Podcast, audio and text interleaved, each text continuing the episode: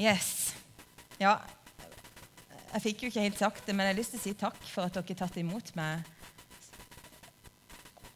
Både i leilighet og med bakst og invitasjoner, men at dere tatt imot meg som pastor. Det er jeg glad for. Jeg gleder meg. Jeg er glad for å være her. Og, og veldig spent på, på hva vi skal oppleve sammen. Mm, håper at det kan bli noe fint. Hvis du lurer på f.eks. alder og sånne ting eh, Håper ikke jeg må redegjøre for kjønn. Det kjente jeg liksom da hvis det skal komme inf in informasjon om hvem jeg er. Men, eh, men eh, jeg er altså født i det herrens år 1983. Det betyr at jeg blir 37 i oktober. Det sa jeg jo ikke, men i oktober ble det. Jeg kommer fra Lista. Det er rett ut forbi, eller ti mil eh, vest for Kristiansand. Toralf, som sitter her, vi er fra samme plass. Og for så vidt vært ungdom i samme menighet. Mm, det har vært fint. Ja Altså, det kan være at Vi har det jo på forskjellige måter når vi kommer til gudstjeneste, men jeg tviler på at det er noen som har vært så nervøse som meg i natt. Og før denne gudstjenesten. Jeg kunne liksom kjenne det at nå, nå er det dags. Og litt sånn der hvor Nå håper jeg at det skal gå greit, det her første. Men så stoler jeg på nåden, da, både fra Herren og fra dere. Og så er Det sånn, vi har, det er jo en fantastisk forkynnergruppe her i menigheten eh, allerede, med Steinar og Bård og Kristian Mosvi som gikk ned. Og Vi har allerede fått tatt møte og samarbeida om en serie som du kanskje har sett på Facebook at vi skal ha. Tittelen er 'Det han sa'. Og det er jo, eh, altså Hvis du er under 40, så er det ikke, nei, over 40, så er det ikke sikkert at du pleier å si det. Men det er en litt sånn sleng for å si at du er enig med noen. Det han sa. Noen har sagt noe bra, så spør de hva mener du? Nei, det han sa. Det er på en måte, det er en måte å si at ja, ja, nok sagt. Jeg stiller meg bak det der. Og det er jo det vi har lyst til å gjøre. Vi har lyst til å stille oss bak Jesus bare ganske tydelig og si at vi, det han sa, det er det vi stiller oss bak, og det er det vi vil servere. Sånn sett så er jo det en liksom behagelig serie å starte min pastorgjerning som forkynner i denne menigheten. Fordi at jeg har jo ikke tenkt å komme på noe nytt. Altså det, det, hadde vært veldig farlig. Det hadde jo vært noen varsellampe hvis jeg plutselig hadde lansert noe nytt du på en måte skulle feste din lit til. Men jeg har lyst med hele mitt hjerte og hele mitt liv å peke på Jesus, det han har sagt, det han har gjort. Og så håper jeg at vi sammen kan følge det. Tanken i serien er altså at vi skal peke litt sånn på utdrag av Jesus sine ord, hvordan det er relevant for oss, og så er det et ønske om å løfte opp Guds ord som autoritet i vår menighet og i våre liv. Så har jeg altså fått æren av å åpne serien. Hvorfor skal vi lytte til det Jesus sa? Det har jeg liksom tenkt å si noe om. Guds ord er jo et begrep som, som, blir forstått på veldig mange forskjellige måter. Og der holdt jeg på å gå på en smell når jeg forberedte meg. For jeg ble så opptatt av det. Å, hva vil si at det er Guds ord? Og hva, hva, mener mange forskjellige om det? Og så kjente jeg nei, det får vi stappe på en helt annen undervisning. Så hvis du um, er interessert, så, så, skal vi se om ikke det blir tatt opp eh, en annen plass eller en annen gang. Men Guds ord Det er det vi kaller Bibelen. Det som står der. Og felles for alle kristne kirker og samfunn gjennom historien er at vi på et eller annet vis så anser vi det her for å være Guds ord. Vi kan være uenige om hvordan det skal forstås, og alt det der. Det skal jeg faktisk ikke gå veldig dypt inn på. Eller ikke i det hele tatt. Men jeg tenkte på det med ord. Guds ord. Hva er ord? Ordene er jo det vi bruker til å uttrykke oss sjøl med. Våre meninger, vår personlighet, vår vilje, hvem vi er. Med ordene våre så uttrykker vi våre følelser. Kjærlighet, sinne, nærhet, avstand. Det kan vi uttrykke med ord. Frustrasjon. Og noen er og dette er litt sånn viktig å si at noen er veldig flinke til å snakke. Men du kan si veldig mye uten å bruke stemmen din. Men det du forteller, det gjør jo at vi blir kjent med det. Eller vi deler av deg. Så Guds ord Egentlig så vet vi jo veldig lite om Gud. Jeg vet ikke om du har tenkt på det. At han er mye mer enn vi kan fatte og begripe. Jeg har dilla på, og det tenkte jeg at det er jo litt sånn der, det er jo et tegn kanskje på at jeg nærmer meg 40. Jeg vet ikke, men jeg har dilla på Erik Bye. Jeg har hatt dilla på eh, Billie Eilish, kan bare ta det. Altså, men, men, nå har jeg altså litt dilla på Erik Bye om dagen, og han har ei vise som heter Vår Herres klinkekule. Den er fin. Og jeg, jeg, skal ikke sitere den så veldig mye, men det er veldig fint. for Han, han sammenligner liksom Gud med en, med en pode med en gutt som har jorda som en klinkekule i lomma si. Og så er det veldig fint, for så skal han, i vår Herrens lomme er det god plass. Men det, liksom, liksom, det, setter jo ting litt i sånn perspektiv. Hvor stor er Gud, og hvor små er vi egentlig? Og En som var min lærer på teologi, han sa det fint. Eh, jeg tror det var sånn han innleda sin undervisningstime første året, så sier han bare så du vet det. Når det gjelder størrelse, så er det mye større likhet mellom deg og en maur enn mellom deg og Gud. Så satte han liksom den på plass. Gud er større, han er mer. Og Likevel så snakker Bibelen om at vi kan bli kjent med Gud. Vi kan få lov til å liksom bli kjent med han, og Det betyr ikke at vi plutselig forstår alt om han. Men det betyr at Gud har valgt å avsløre seg sjøl for oss. Han har tatt initiativ til å presentere seg sjøl for oss.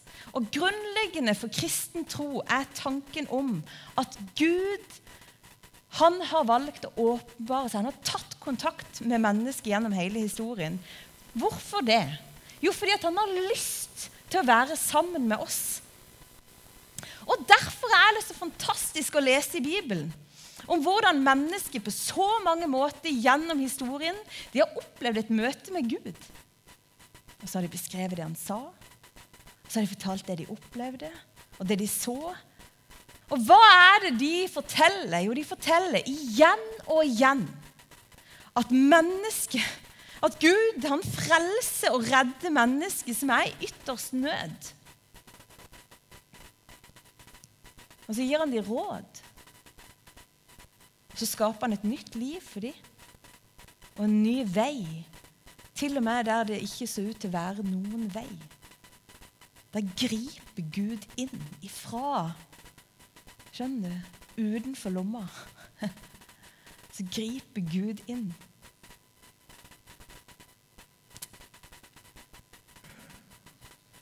Og jeg tenker sånn at Bibelen, Guds ord, det er innsikt Det er som om Gud setter døra litt på gløtt. Sånn at vi kan få lov til å se inn i hvem han er. Og hva som egentlig er sant om han, og om oss, og om evigheten og den ytterste virkelighet. Og derfor, kjære venner, så er dette så viktig for oss. Guds ord er større enn våre liv. Skjønner du? Det som er utenfor lomma det er større enn det som er i den lille klinkekula. Vi kan stole på det. Guds ord i Bibelen forteller oss om hvem Gud er. Og Johannes, som er Jesus' sin disippel, han beskriver det ganske fint i begynnelsen av sitt evangelium når han skal beskrive Jesu komme. I begynnelsen var Ordet. Ordet var hos Gud, og Ordet var Gud. Han var i begynnelsen hos Gud. Alt er blitt til ved ham. Og uten ham er ikke noe blitt til. Det som ble til i ham, var liv. Og livet var menneskenes lys. Guds ord, Guds vilje, Guds karakter, alt det Gud er, det er ikke først og fremst uttrykt i bokstavet. Bokstavene de bare beskriver ordet. Og hva er det vel fram til som litt sånn der punkt nummer én? det er at Guds ord er levende. For Guds ord er Jesus Kristus. Jesus er det levende Guds ord, og det betyr, kjære deg, at hvis du skal bli kjent med Gud, så må du bli kjent med Jesus. Derfor vil vi lytte til det han sier om seg sjøl. Vi vil lytte til hvordan han tenker om oss, og hva han tenker om verden. Jesus er Guds ord. I han så blir, blir det kjøtt, så blir det levende. Tenk på Guds ord når du begynner, i begynnelsen av Bibelen. Tenk hvilken kraft det er i Guds ord. I begynnelsen, når ånden svever ved vannet, så. I Salme 33 så står det for han talte, og det skjedde. Han bød, og det sto der. Og når Gud sier 'bli lys', så blir det lys. Og når Gud skiller lyset fra mørket, så skjer det. Guds ord Det kan godt være sånn at jeg skal, jeg skal beskrive meg sjøl når, når, jeg blir intervjua av Siv. Så liksom, kan jeg tenke ja, ja, så sa jeg det. Og så, ja, ja, det var sikkert ingen som la merke til det. Det hadde, hadde, ikke så mye kraft at jeg sa at jeg likte å drikke sukkerfri brus. Altså. Men når Gud taler, Guds ord, når det virker Bam! Da er det kraft, skjønner du. Da skjer det noe. Det, skjer, det er aldri sånn at når Gud taler, så skjer det ingenting. Når Gud taler, da skjer det noe. Og det må jo bety at vi bør og har utbytte av å lytte når Jesus vil være med oss, når han vil si noe til oss. Og Jesus sier i Johannes 14, vers 10-11, så sier han Det er Philip da som utfordrer han litt på liksom sånn, hvordan skal vi se Faderen. Så sier Jesus, 'Tror du ikke at jeg er i far og far i meg?' Det er som om han sier vi er, vi er ett. Vi er Gud. Og de ord jeg sier til dere, har dere ikke fra meg selv. Har jeg ikke fra meg selv. Far er i meg og gjør sine gjerninger. Tro meg. Jeg er i far, og far i meg. Om ikke annet, så tro det for selve gjerningenes skyld.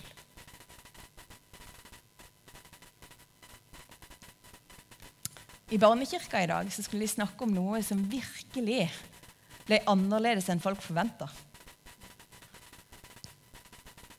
De skulle snakke om en som fikk oppleve kraften av Jesu ord.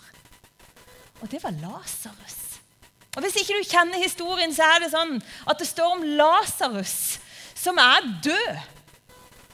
Og Han er klinisk død. Han har vært død i tre dager. og De har balsamert han, de har si, teipa han inn, men de har rulla han inn i Jeg husker ikke hva det heter. Han har mye klede rundt seg. Og han er kjempedød! I grava. Og Jesus kommer, som så mange av oss har erfart, tilsynelatende for seint. Men han kommer precisely when he means to. Så kommer Jesus, og så taler han. Og så sier han til Lasarus, 'Lasarus, kom ut!' Og fordi at det er ikke bare lett slepte ord, og fordi at Jesus er mer enn et menneske, han er Gud, så er det kraft i det han sier. Og den kraften, den har liv i seg. Hva var det det sto om ordet? Jo, ordet var liv. Og dermed står Lasarus opp fra de døde. Og det er en oppmuntring for oss, både som kjenner at noe er i ferd med å dø, eller noe kjennes fullstendig dødt. Hos Jesus er det liv. Hans ord gir liv. Og så er det en påminnelse om hvilket himmelhåp vi har fått. Og Den dagen Jesus sto opp fra de døde og bare viste for hele verden at det er framtida for de som følger ham, da var det noen som fikk erfare nettopp det. At Jesus er herre over døden, om enn på to forskjellige måter.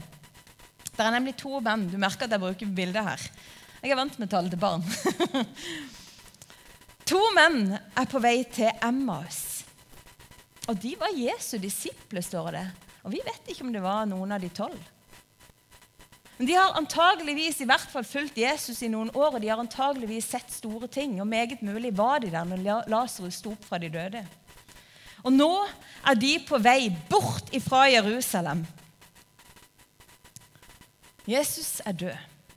Kanskje så de at han døde. Og plutselig, uten at de vet det, så slår De vet jo at det er noen som slår følge, men de skjønner ikke at det er han. Jesus slår følge med dem på veien. Er noe som gjør at de ikke ser at det er han. Og kanskje er det det at livet har vært for fullt av sjokkopplevelse.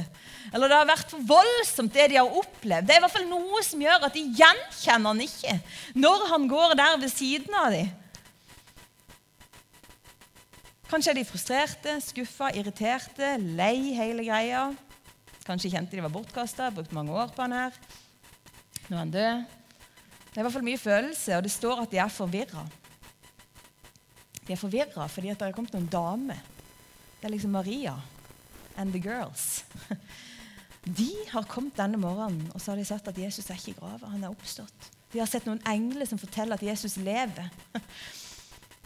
Og dette det var jo slik, Man skulle ikke høre på kvinnene. Det, altså det, skulle ikke ta, ta, de sine ord fullt for god fisk. Så det gikk noen menn. da.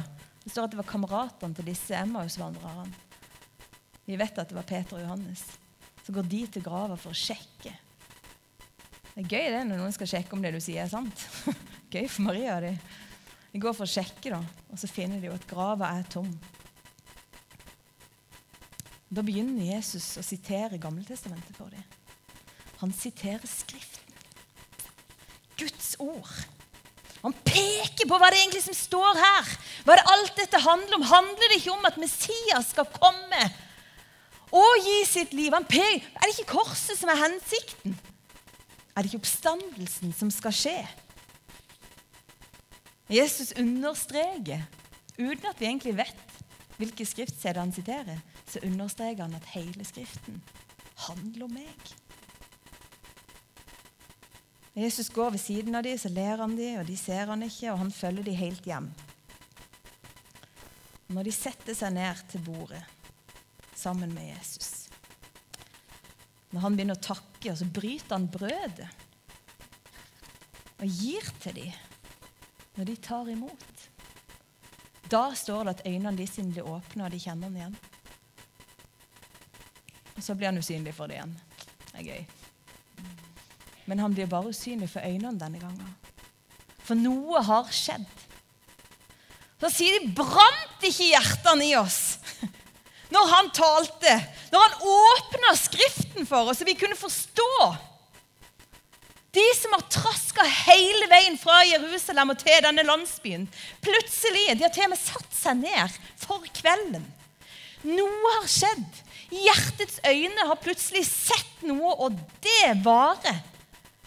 For de får fart på seg, tilbake til Jerusalem, treffer de andre, og hva har de å melde? Han er oppstått!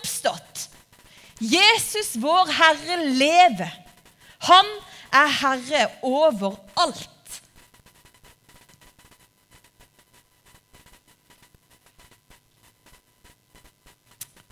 De hadde funnet tilbake til det som gjorde det levende for dem. Hva er det som står om ordet om Jesus? Det står at i han var liv, og livet var menneskenes lys.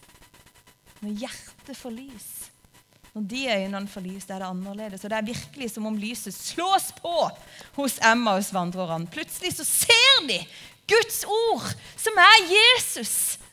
Og det er akkurat som det er ikke sånn, ja, ja, så ser vi han ikke. Vi ser han ikke fysisk foran oss, men vi kjenner det.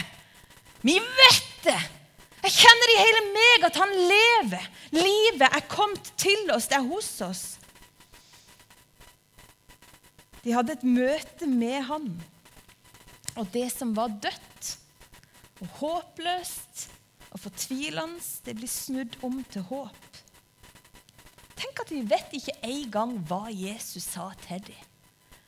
Det hadde vært fint hvis vi hadde et sånt skrev, som sa Jesus dette. Nei! For det er ikke alle disse bokstavene som er poenget. Poenget er han som er selve ordet. Det var han de hadde et møte med. Det levende ordet. Jeg tenkte jeg skulle fortelle et vitnesbyrd som ikke er så gammelt. Det er fra rett før sommeren. Jeg hadde det sånn når jeg skulle slutte i Kristiansand. Jeg jobba der i ni år, så det var litt viktig for meg å ta noen ordentlige avskjeder. Og En av de, det var med en som nå er ut, ferdigutdanna bachelor i sosialt arbeid. Men jeg har jo fulgt han siden han var jeg vet ikke, 15-16. Og så, eh, så, skulle vi ha en kaffe. da. Og så er det sånn at han vokste opp med ganske sånn streng kristendom. Det var ganske strengt for ham, som gjorde at han fikk et bilde av en ganske streng Gud. Så når vi snakker sammen, så sier han Elmerete, jeg bare ikke orka Jeg har ikke orka å tenke på, på alt egentlig med Gud og sånn i det siste. Det var ikke det at han hadde slutta å tro, men alt var blitt veldig vanskelig for ham. Um, og han hadde liksom vært veldig veldig streng med mange. og og så, eh, så har det blitt vondt for han da. Og så sier han at og så ble vi sittende i en del sånn samtaler, og jeg prøvde jo sånn stadig litt sånn fatt, fattig ungdomsarbeid som skal slutte. Men jeg prøvde å legge inn at Gud er hos deg i din fortvilelse, eller Gud er hos deg der du er. Men så var han veldig opptatt av mye forskjellig politikk. da opptatt av mye forskjellig teologi, ikke minst. For hvordan skulle vi forstå dette Guds ord? Og han hadde mange forskjellige ideer. og En del av dem var mer liberale enn det jeg er. Og så gikk jeg derifra både med glede over å ha vært sammen med ham, men òg litt med masse sånn der ah, Jeg vet ikke om du har det sånn, men jeg, jeg landa liksom i en sånn der forvirring. Ja, alle de der store eksistensielle spørsmålene. Ja, kan det virkelig være sånn? Og hva betyr det nå egentlig at altså, Hva betyr evighet? Hva er tid? Bevege seg der vet jeg ikke hjernen til å tenke på sånt. Men, men jeg ble sånn der, jeg, akkurat som jeg ble sånn fanga i noe sånn forvirring. Hva som er hodet inni ei bikube. skjønner du? Det var, altfor mange alternativer til hva jeg kunne tenke om det som står her. Det sa jeg jo ikke til han, da, men jeg kjente det jo langt inni meg sjøl. Så var vi Ikke mange dager etterpå så skulle vi være sammen. Vi har hatt Det sånn at det er jo en del, en del misjonskirker i Kristiansandsområdet. Så vi som har jobba der, har møttes med jevn mellomrom. Så skulle vi ha sommeravslutning. Jeg hadde ikke sagt dette til noen, men det var veldig pyton. Jeg kjente liksom at åh, ja, det gikk, Jeg vet ikke om jeg skal si det gikk på troen løs, men det gikk iallfall på tryggheten og trygghetsfølelsen løs. Så sto vi altså i lovsang. Og så har jeg en veldig klar opplevelse der jeg står. At er klart nesten ikke å synge. Jeg, kan, jeg klarte så vidt å bevege munnen. fordi at mens jeg står i lovsangen, så er det som om Jesus bare står rett foran meg. Og når det skjer, skjønner du, så kjenner jeg nesten fysisk Men det er som om alle, de der, alle summinga alle, alle de der gedigne spørsmålene som ikke er sentrum for min tro, de bare Så kjente jeg kunne bare Det er jo deg, Jesus. Det er jo du. Det er jo det du har sagt. Det er jo det du har gjort. Og så kjente jeg bare falt altså, Jeg falt altså så til ro. Men jeg fant sånn en hvile. Og dette tenkte jeg på når jeg forberedte meg, at kanskje har du det sånn at akkurat som hodet er inni en bikube, og du har masse spørsmål, så har jeg bare lyst til å si at det er ikke bokstavene som kommer til å gi deg det svaret du trenger. Det er Jesus Kristus. Det er Han. Det levende Guds ord, og det møtet med Han som forandrer ditt liv. I Han så blir Guds vilje uttrykt for alle mennesker. Han er den som frelser, som ser oss, han er den som utfrir oss. Han er den som gir råd, han er den som skaper en vei hvor det ikke ser ut til å være noen vei. og Derfor kan vi lytte til han, derfor bør vi lytte til han, og derfor skal vi lytte til han, vi som følger han. Og det, det er meninga i denne serien at vi skal ta utgangspunkt i utdraget av det han har sagt. Jeg vet ikke om jeg tror feil på det. Men jeg tenker jo kanskje at noe av poenget mitt er at hele Jesu liv taler. Hans ord og virke skal vi peke på, men kanskje det sterkeste han sier, det sier han uten ord. I det han stille lider på et kors og forteller oss elsker hver enkelt. Hver enkelt av dere er elska av Gud. Og så er det noe med denne her, Hva forteller de utstrakte armene? Jeg tror de sier 'kom'. Jeg tror det er så enkelt som det. At Jesus sier 'kom'. Og Hvis du leser slutten av åpenbaringsboka, så er det det han sier. Han sier 'kom'. Men det er et bibelvers som jeg skal avslutte med i Matteus 11, 28-30. Der står det 'Kom til meg, alle dere som strever og bærer tunge byrder. Jeg vil gi dere hvile. Ta mitt åk på dere og lær av meg, for jeg er mild og ydmyk av hjerte. Så skal dere finne hvile for deres sjel. For mitt åk er godt, og min byrde er lett. Jeg vet ikke hvordan du har det. Kanskje du er supergira og klar for denne høsten. Det hadde vært fint. Heldig deg. Kanskje du har det sånn, som Emmaus-vandreren, at du har fulgt Jesus lenge, og nå har du sannelig ikke sett han levende på en stund. Ja. Og fra ditt perspektiv så er han ikke i nærheten. Det er noe med synsfeltet vårt. Det kan bli fulgt av så mye annet. Kanskje du har det sånn som jeg hadde det, at hodet ditt er i bikube. Kanskje det bare er for mange ting. Eller kanskje du kjente at det siste verset det var til meg. Jeg, jeg, jeg er sliten. Jeg vet ikke engang hvorfor. Eller kanskje du vet veldig hvorfor. Men, eller du bare har hatt en god sommer, sånn som Siv sa, og så orker du egentlig ikke tanken på å komme inn i en hverdag. Jeg vet ikke. Vi er nå her, sånn som vi er. Men da er det fint at det er Jesus òg. Han er her sånn som han er. Han som tenner troen. Som løfter det tunge aket, og som gir oss nytt liv med sin ånd. Han er vår frelser, og vi vil peke på han, det han sa. Kom. Jeg har lyst til å gjøre det sånn på slutten av denne talen at jeg, jeg ber en bønn nå. Og så skal, skal, vi ha en lovsang. Og så tenkte jeg bare som, hadde vært fint hvis vi kunne gjøre det sammen. Altså, jeg kunne bare være innenfor Jesus, og du vet jo hva du trenger. Kanskje du trenger å treffe han egentlig for første gang og bare si Jesus, jeg trenger å møte deg. Jeg trenger at du jeg blir levende. Du vet hva du trenger. Kan vi bare være innenfor han? Invitere han?